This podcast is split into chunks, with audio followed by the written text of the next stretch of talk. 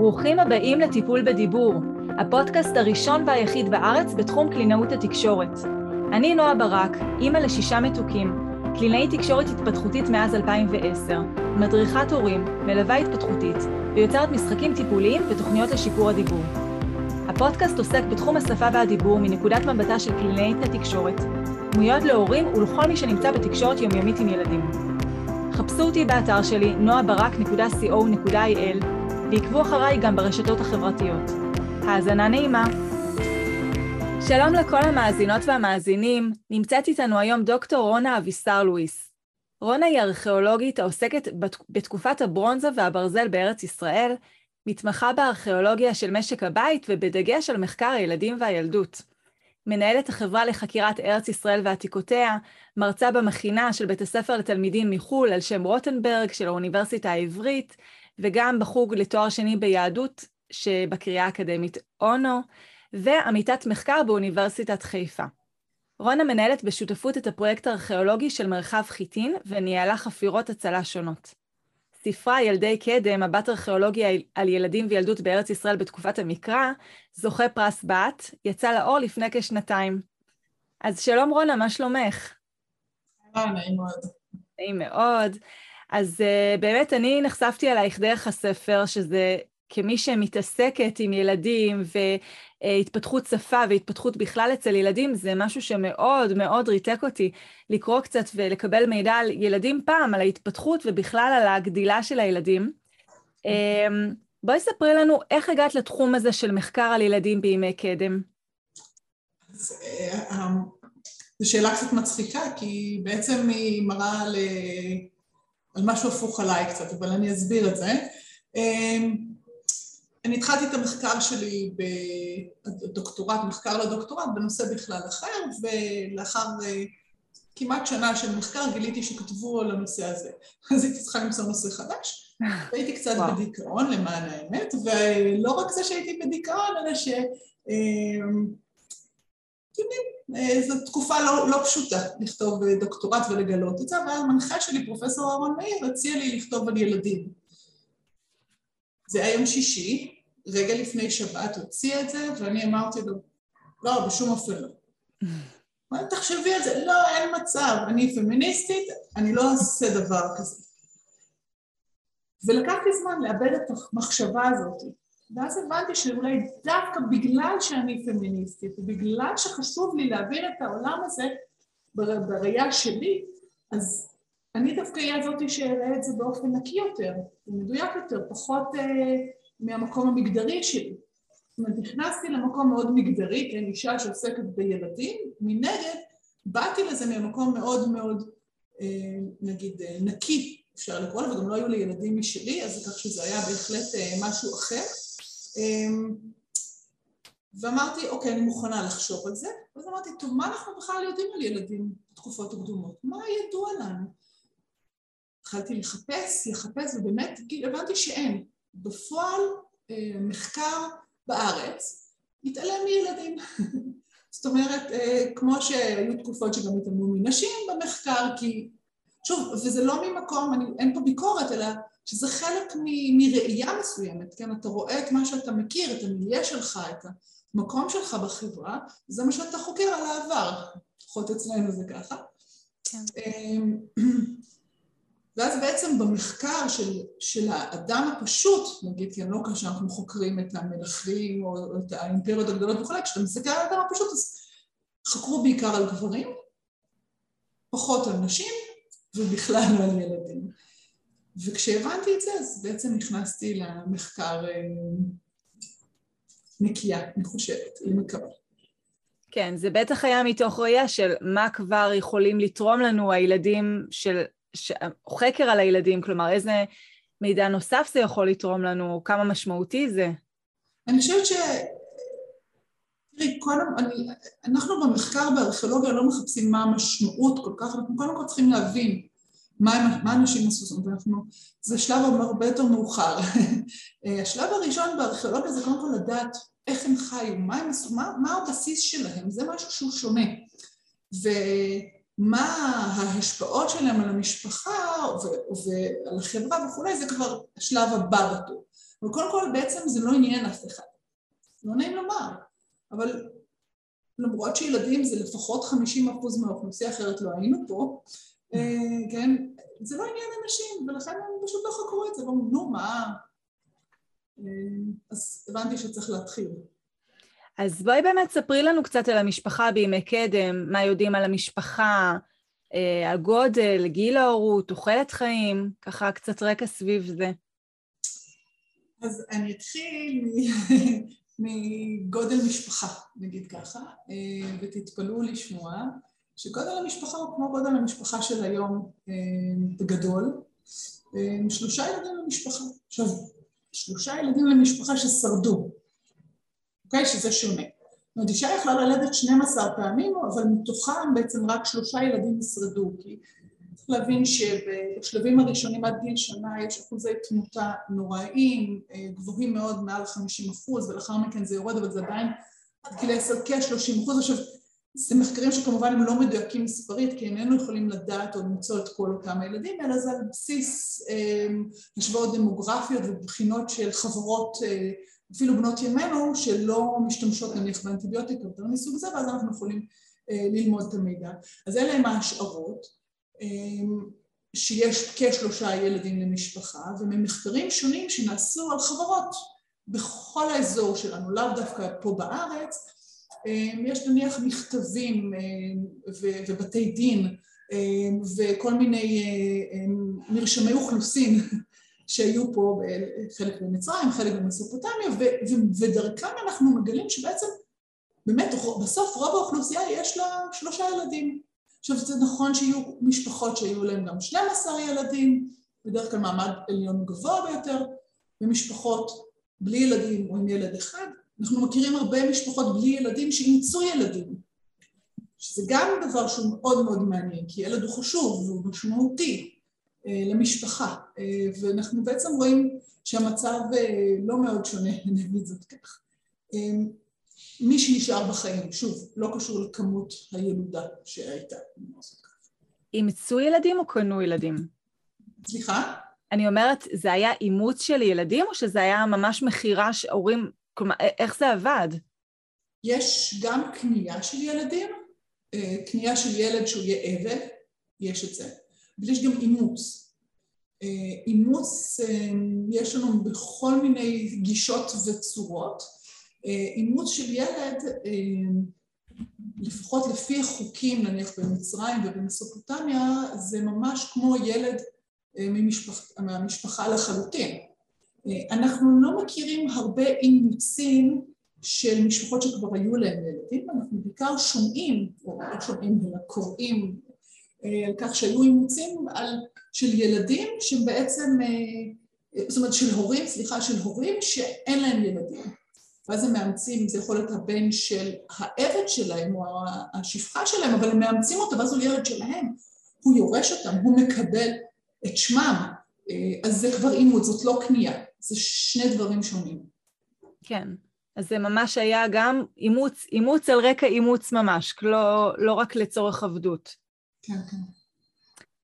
הספר שלך הוא באמת על ילדים וילדות במבט ארכיאולוגי. איך אנחנו יכולים בכלל ללמוד על התחום הזה מהממצאים השונים? אז קודם כל אה, צריך להבין שהמחקר שלי הוא באמת מחקר מאוד ראשוני, ולכן הייתי צריכה לבחון את הדברים במבט מאוד מאוד רחב. זאת אומרת, אה, כדי שאני אוכל לדעת מה לחפש באתר הארכיאולוגי, הייתי צריכה לדעת מה יכול להיות שהילדים ישתמשו בו, במה הם יעסקו, מה ההורים שלהם יעשו בעבורם, ולכן המחקר הוא מאוד מאוד רחב. אה, הוא נשען על הרבה מאוד דיסציפלינות, אה, באמת יחסית הרבה מאוד דיסציפלינות שיכולות לתת לנו איזשהו מידע. וכשאני אומרת דיסציפלינות שייתנו לנו מידע, אני אסביר את זה רגע, שלא להיבהל, זה כמובן היסטוריה, אוקיי? מקורות היסטוריים שמספרים על הדברים האלה. גם התנ"ך הוא מקור היסטורי מבחינה זאת. אה, ולא ניכנס למתי הוא נכתב, ומי כתב אותו וכולי, לא ניכנס לזה, אבל עדיין יש בו אמיתות היסטוריות ויש בו בוודאי הלך רוח. אז ככה שמבחינה הזאת לזה, לכאן אני מכוונת. ויש לנו תיאורים אמנותיים, ובתיאורים האמנותיים אנחנו רואים לפעמים ילדים, זה גם מלמד אותנו אה, דברים פה ושם. ויש לנו את החברות בנות ימינו, שבעצם אפשר לבוא ולהסתכל מה הם עושים, איך הם עושים את הדברים, אה, חברות מסורתיות, כן? אה, וללמוד דרכם, מה שנקרא אתנוגרפיה ואתנוארכיאולוגיה.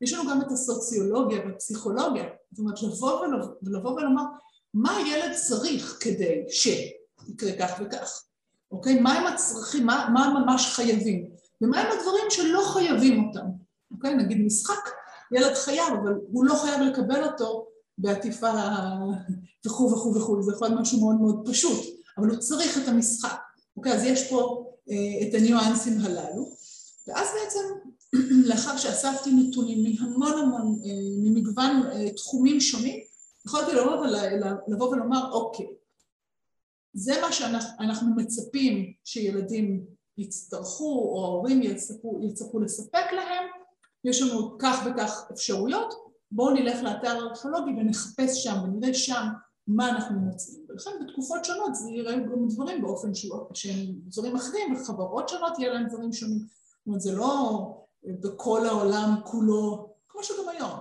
לא בכל העולם כולו מגדלים את הילדים שלהם באותו אופן, וגם לא השכן שלי ואני מגדלים את הילדים שלנו באותו אופן, נכון? כל אחד יש לו את הדרך שלו. נכון. ובאמת מה שאפשר להגיד על היום לפחות זה שהילד הוא מהווה חלק מאוד משמעותי ומרכזי במשפחה. יש uh, התייחסות uh, גדולה, מודעות מאוד גדולה לצרכים שלו, ל-well-being שלו, זה משהו שבאמת uh, גם במודעות וגם בהתגייסות המשפחתית. מה אפשר להגיד על המקום של הילד במשפחה, ההתייחסות אליו בתקופה שחקרת? זה גם היה ככה דומיננטי? קשה, קשה לדעת. כן. קשה לדעת, כי אנחנו לא יכולים לשאול את האנשים האלו, הם כבר מתו. אז אין לנו דרך להיות בטוחים בדברים. אנחנו יכולים לראות איך הבית נבנה, איך הוא היה מסודר, מה היו הדברים שקיימים בבית, בזמן נתון מסוים כמובן. כן? אפילו באיורים, בציורים שמצאתם, כלומר, נכון. גודל או... תמיד זה יהיה זמן מסוים, רגע מסוים או סיפור מסוים שיש לנו, ודרכו אנחנו יכולים ללמוד דברים. ולכן בעצם יש קושי מסוים בלתת אה, תמונה ככה אה, ברורה לחלוטין. הילד היה מאוד חשוב. הוא היה חשוב משום שזה המשכיות, זאת אומרת אם אני אקח את, ה, כן, את הסיבות שאני יכולה למנות אותן, כן, כי זאת היה, פה המשכיות, כי יש לו חשיבות לחברה, כי יש לו חשיבות למשפחה, אבל גם כי אהבו אותו.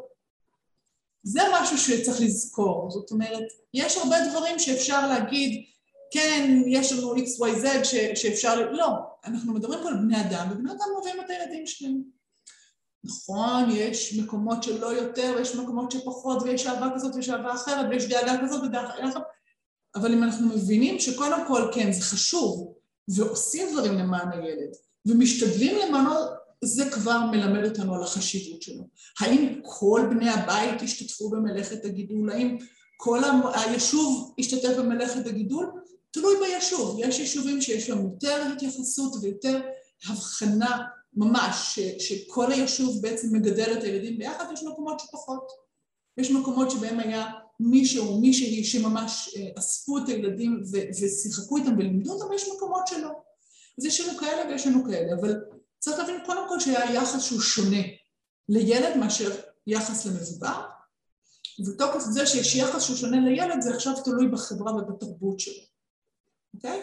ואם אנחנו, וזה תמיד משהו שחשוב להבין, אנחנו תמיד אומרים לי לא, מה פתאום, ילדים אף אחד לא אכפת להם, הם עבדו בקריאת פחם, והיו מסכנים, נכון, אבל גם בקריאת פחם הם עבדו אחרת, גם בקריאת פחם הם לא היו צריכים להשיג את אותם או, או, או לסיים את יום העבודה עם אותה כמות כמו של המבוגר. והנה היחס לילד, אוקיי? זאת אומרת, היחס לילד הוא לא שווה בין כל החברות, אבל בכל חברה בדרך שהיא שונה. בוודאי שהיו גם חברות שבהן הילדים לא היו מאוד חשובים, והיו דברים אחרים. היו גם את אלה, היו גם אלה. זה נכון. כן. אז בכל מקרה, הייתה התייחסות שונה לילד מאשר למבוגר, אה, ובוודאי שה... זה, זה בעצם יצר טבעי לאהוב את הילדים שלנו, עד כמה הדומיננטיות שם הייתה בהתייחסות אליהם, זה משהו שקשה לנו לקבל עליו מידע מהאמצעים שיש ברשותנו. כן, זה קשה לקבל מידע, אבל אני חושבת שאם אנחנו רואים שהבית בנוי בצורה מסוימת שמאפשרת שמירה על הילדים, אז אנחנו רואים פה איזושהי מחשבה לילד. אם אנחנו מוצאים שגם מלך מצרים הגדול והחזק ששולט וכולי וכולי, בסוף מתארים אותו עם ילד, על, עם הבת שלו על ברכיו, מחבק אותה, זה גם מלמד אותנו משהו. כן. Okay? אוקיי? זאת אומרת, הדברים האלו, הקטנים האלו, אדם שמאמץ את הילד שלו, ו... ואחר כך הילד מספק, כותב, כן, על כמה אה, ההורים היו חשובים לו והם גידלו אותו ועשו כך וכך וכך, זה גם מלמד אותנו. אה, כן, אז הילד הוא, הוא, הוא חשוב מאוד למשפחה הבסיסית, הגרעינית, אבל הוא גם חשוב לקהילה. ונגיד יותר מזה, תראי, יש תקופות, כן, אני מצטערת, זה יישמע קשה עכשיו מה שאני אומר, אבל יש תקופות שבהן קברו תינוקות מתחת לרציפות הבתים. היו בתי קברות? היו בתי קברות. בבית הקברות קוברים, נקברים כל המתים של הקהילה, אבל בבית פנימה קוברים את התינוקות, מתחת לרצפה. עכשיו, יש מחשבה או הבנה, אני אגיד זאת כך, ש, שבעצם הסיבה שקוברים את הילד מתחת, ל, לב, אתה משאיר אותו בבית שלך, הוא, הוא עדיין חלק מהבית, הוא לא חלק מהקהילה. עכשיו זה יהיה עד גיל מסוים, כי עד גיל מסוים הוא לא חלק מהקהילה.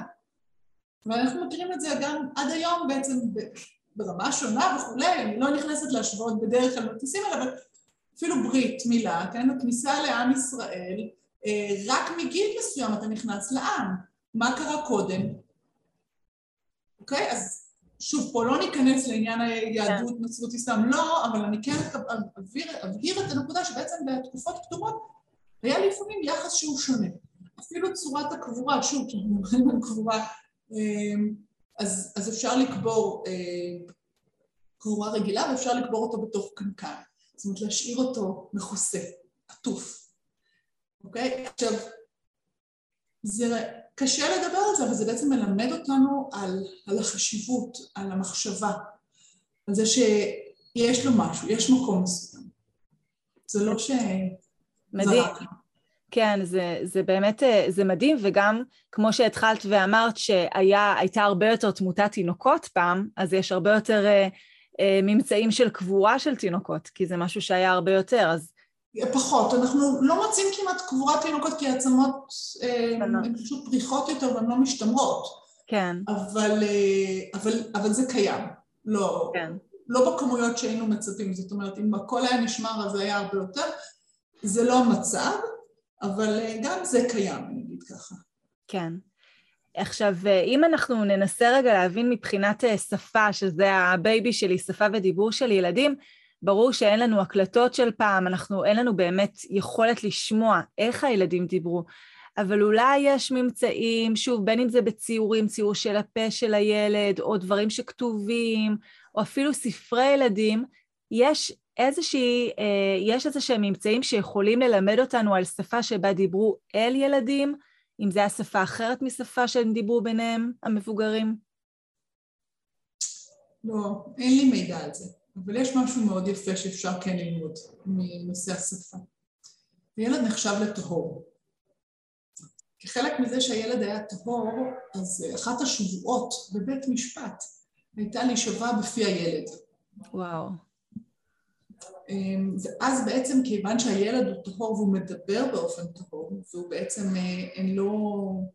כן, אז אם אתה נשבע בשם הילד, הפה של הילד שלך, זאת אומרת שאתה אומר אמת. שזה דבר שהוא מדהים. אז אני לא יכולה לדבר על איך, כיצד הם דיברו, כי זה כאמור אין לנו.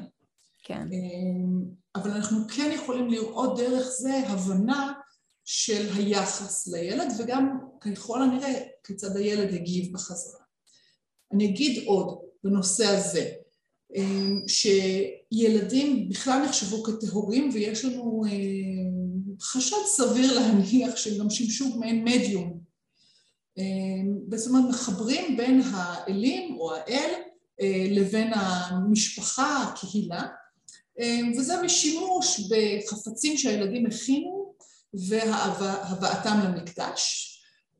כך שזה גם דבר שהוא מאוד מאוד מעניין ומרתק לראות שבעצם באמת היחס לילד, שוב, הוא מאוד חשוב, יש לו חשיבות, אוקיי?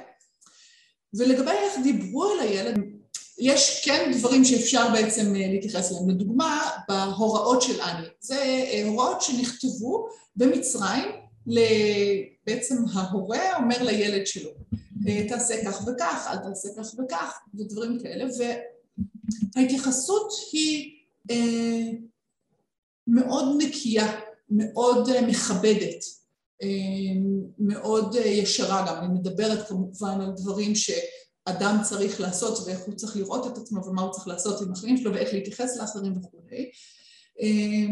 אז שוב, אין לי, אני לא יכולה לעזור בנוגע של מה השפה שבה דיברו, אה, אני משערת שחלק מזה שעל אה, אף שהילד הוא מאוד מאוד חשוב ועל אף שיש לו מקום חשוב וכולי, אבל מאותו רגע שהוא חלק מהחברה, אני משערת שדיברו אליו כמו שדיברו על מבוגר, אוקיי? אה, זאת אומרת, אני לא מאמינה, אבל שוב, זו, זו רק דעתי פה, כן? אני לא מאמינה שדיברו אליו משהו, כמו שאנחנו לפעמים רואים בילדותיות או בצורה שכזאת, וגם לא בהעלאה העלאת יתר, נסיך, נסיכה וכולי. אני חושבת כן. שהתייחסו אליו ממש כמות שהוא. באומרי זאת, אני אבוא ואומר שיש שפות עד היום שמתייחסות לילדים, נכון? כמו באנגלית יש לנו he, she ו-it, mm-hmm. בשפה הגרמנית הקדומה יותר, ילד עד גיל 12 קוראים לו it בעצם. עכשיו, זאת שפה שהיא קדומה יותר, כן? זאת אומרת, זה לא אה, מלמד, זה, זה כמו לומר על העברית שיש לה בעיה אה, עם נשים, ב, ב, נכון? שכולם כן. מדברים על זה, כן? כן. אה, אז, אז השפה מלמדת אותנו על זמן מסוים, אוקיי?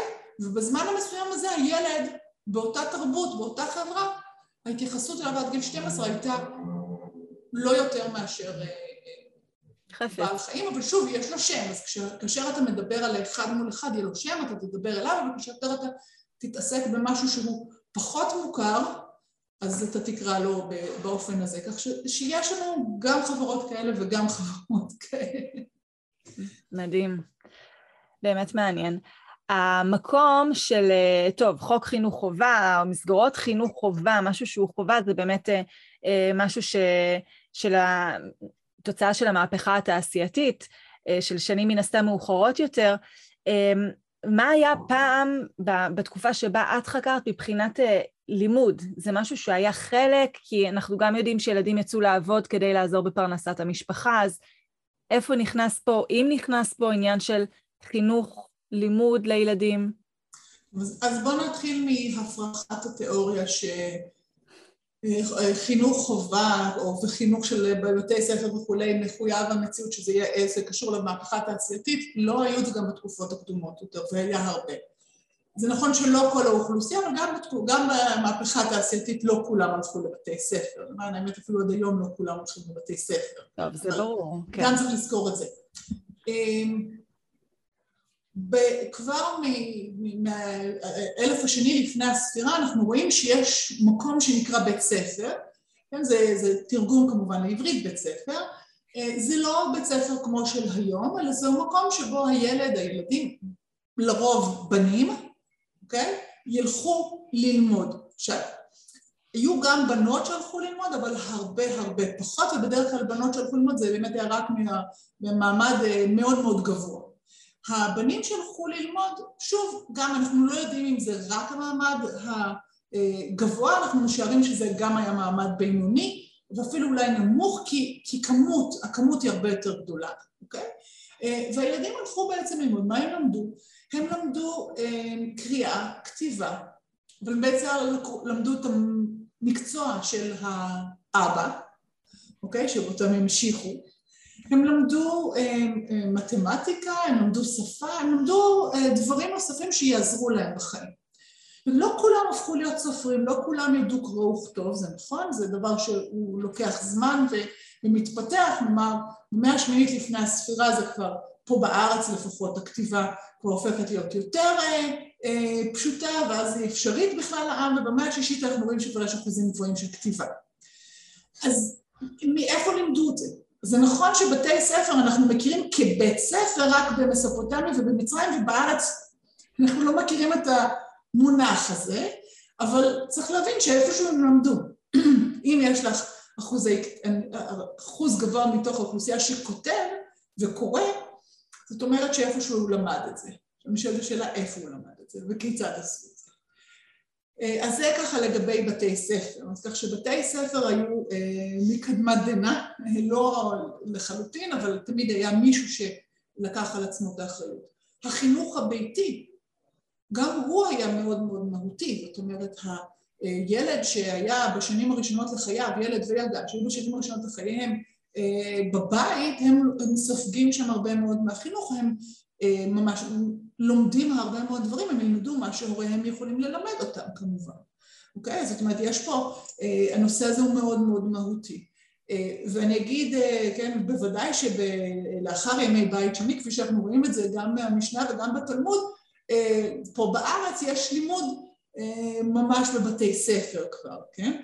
איך נראו בתי הספר האלה? כיצד הם בדיוק התנהלו? אנחנו לא בטוחים במאה אחוז, יש על זה הרבה מחקרים, יש על זה הרבה מידע, אבל זה לא כן, אני לא יכולה להגיד הגיעו לבית ספר, למדו כך, למדו כך. זאת אומרת, בואו נצא מנקודת הנחה שהילדים בעבר למדו. הם גם היו צריכים לעבוד. אז אנחנו רואים במקורות מאוחרים, אנחנו רואים שהם למדו בבוקר ועבדו בחר הצהריים, ויש מקומות שבהם אה, זה היה בין לבין, וזה היה חלק מההתנסות של הילדים. אז כך שזה תלוי גם בחברה ובתרבות ובזמן. כן? אה, אבל, אבל ילדים למדו, וזה היה מאוד מאוד חשוב למשפחה שהם ילמדו, משום שדרך הלימוד הילד יכול להפוך להיות חלק בלתי נפרד אה, ויעיל ומועיל גם למשפחה וגם לחברה, וזה זה בסוף אולי זה איפשהו מטרה גם שלנו. אנחנו רוצים שהם יישארו קטנים כי הם חמודים וזה כיף לנו, אנחנו גם רוצים שלפחות כשהם יגדלו, שיהיה להם אה, מקום, מקום טוב. בטח, זה הבסיס בשבילם, להצל... בעצם אה, להשתלב בחברה, להצליח, להתפתח, נכון?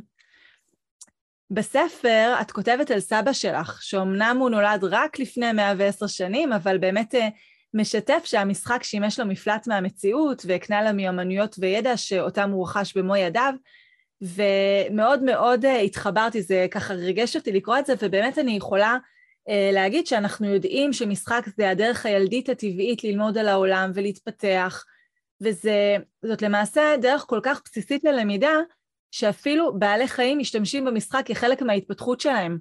יש אה, מחקר מעניין שנעשה על עכברושים. לקחו עכברוש חזק מול עכברוש חלש ונתנו להם להתקוטט, וראו שלמרות שהעכברוש החזק תמיד יכל לחסל ולנצח את העכברוש החלש, באחוז מסוים מהפעמים הוא ויתר לו. כי הוא ידע שאם כל הזמן הוא ינצח, אז העכברוש החלש לא ירצה להמשיך לשחק איתו. אז, אה, אז ממש רואים את, ה, את ההבנה הזאת של, של משחק ושל צורך במשחק כמשהו באמת מאוד מאוד ראשוני. הילדים בימי קדם, היו להם צעצועים שמיועדים להם, כמו שהיום יש כזה שפע של משחקים לילדים, או שבאמת הם שיחקו יותר בדברים אחרים? אז, אז אני אחזור לסבא שלי. כן. אה, כן, אז כשאני התחלתי את הדוקטורט שלי, כמו שסיפרתי לכם כבר, כשהתחלתי את הדוקטורט שלי, אה, סבי היה לדעתי בן 96, סבי נפטר בן 103, זה משהו כזה, ו... אה, והתחלתי את המחקר, והיה לי בראש את מה שכולנו קוראים את אריאס, ולא הייתה ילדות, ולא שיחקו, וילדים היו ככה, וילדים היו אחרת, והיה להם רב, אמר, וכולי וכולי. ויום אחד הגעתי לסבא שלי, ביום שישי, והוא מוציא אה, משחקים.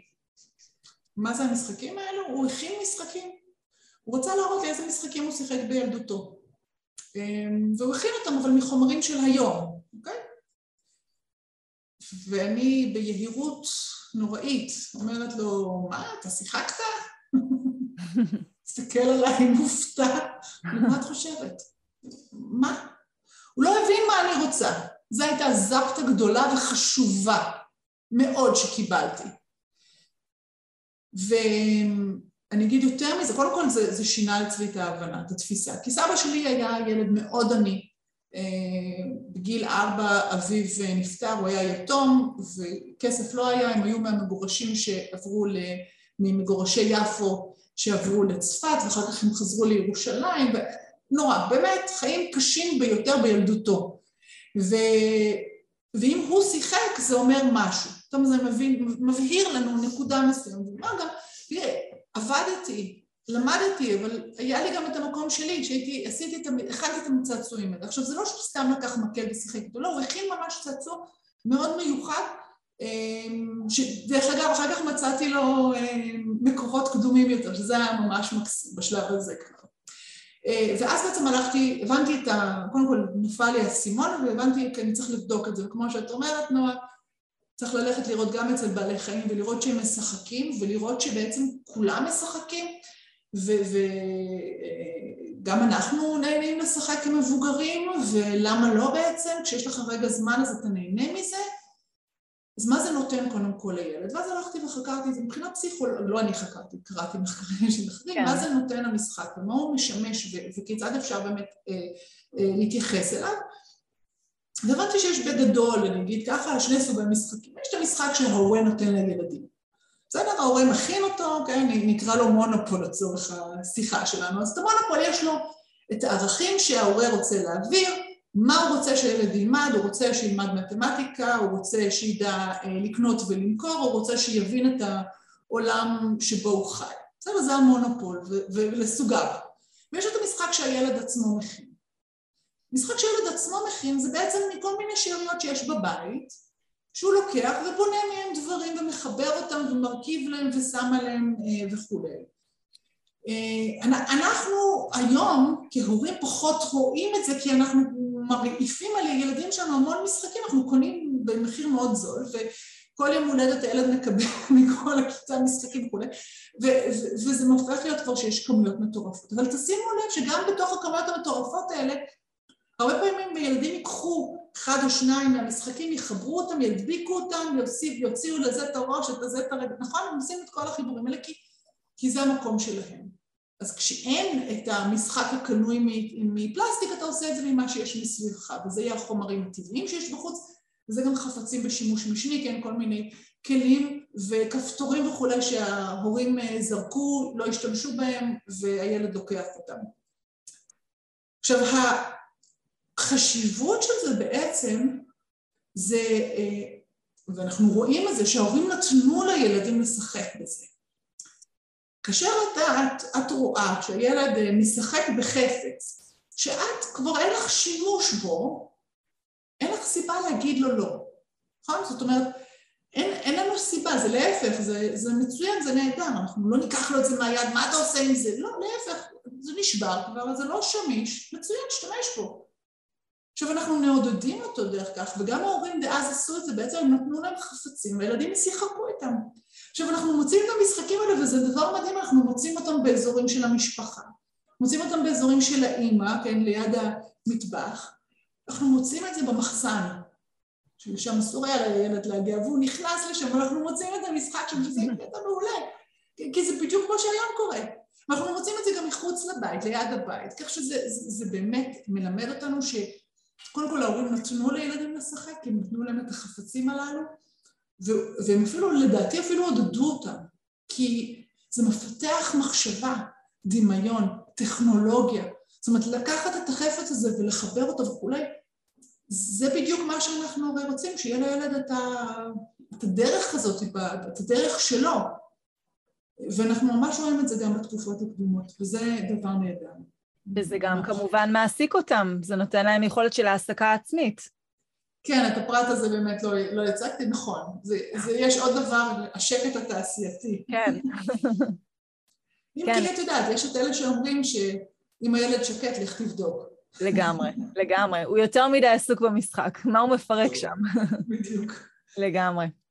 נושא מרתק, באמת, זה, זה מדהים לחשוב על זה שזו תקופה שאני מרגישה אולי קצת רחוקה, אבל היא כל כך קרובה בכל כך הרבה מובנים. אמ, ובאמת אחרי שחקרת את עולם הילדים בימי קדם, לאיזה תובנות חשובות הגעת שהיית רוצה לשתף את ההורים במאה ה-21 שמגדלים ילדים ומאזינים לנו היום? אה, אין לי תובנות, זה לא תחום שלי, יש לי תחום מחקר בארכיאולוגיה. אני יודעת להגיד מה הורים עשו בעבר, אני יודעת להגיד היום יותר על הילדים בעבר. אני משערת שאפשר אה, ללמוד כל מיני דברים מההורים בעבר, ויש גם דברים שלא הייתי רוצה שנלמד מהם. אה, ואני חושבת שאולי, אולי, זרקת אותי ככה, אני לא, לא הייתי מוכנה לזה כי, כי זה לא התחום שלי, אבל אני אגיד שבגדול אני חושבת שאנחנו צריכים, אה, וזה לא כארכיאולוגית, זה קרונה, כן? אנחנו צריכים אולי לתת לילדים יותר מעוף, פחות משחקים. מוכנים, קנויים. פחות מוכנים, כן, פחות משחקים מוכנים, מוכנים. לתת להם ל, ליצור בעצמם קצת, אה, לנשום את זה. אה, הלוואי שהייתי יכולה גם להוריד את כמות שעות המסך. הלוואי, כולנו היינו שמחים, היינו יכולים לעשות. כן. אה, כן, זה, זה, זה לא פשוט.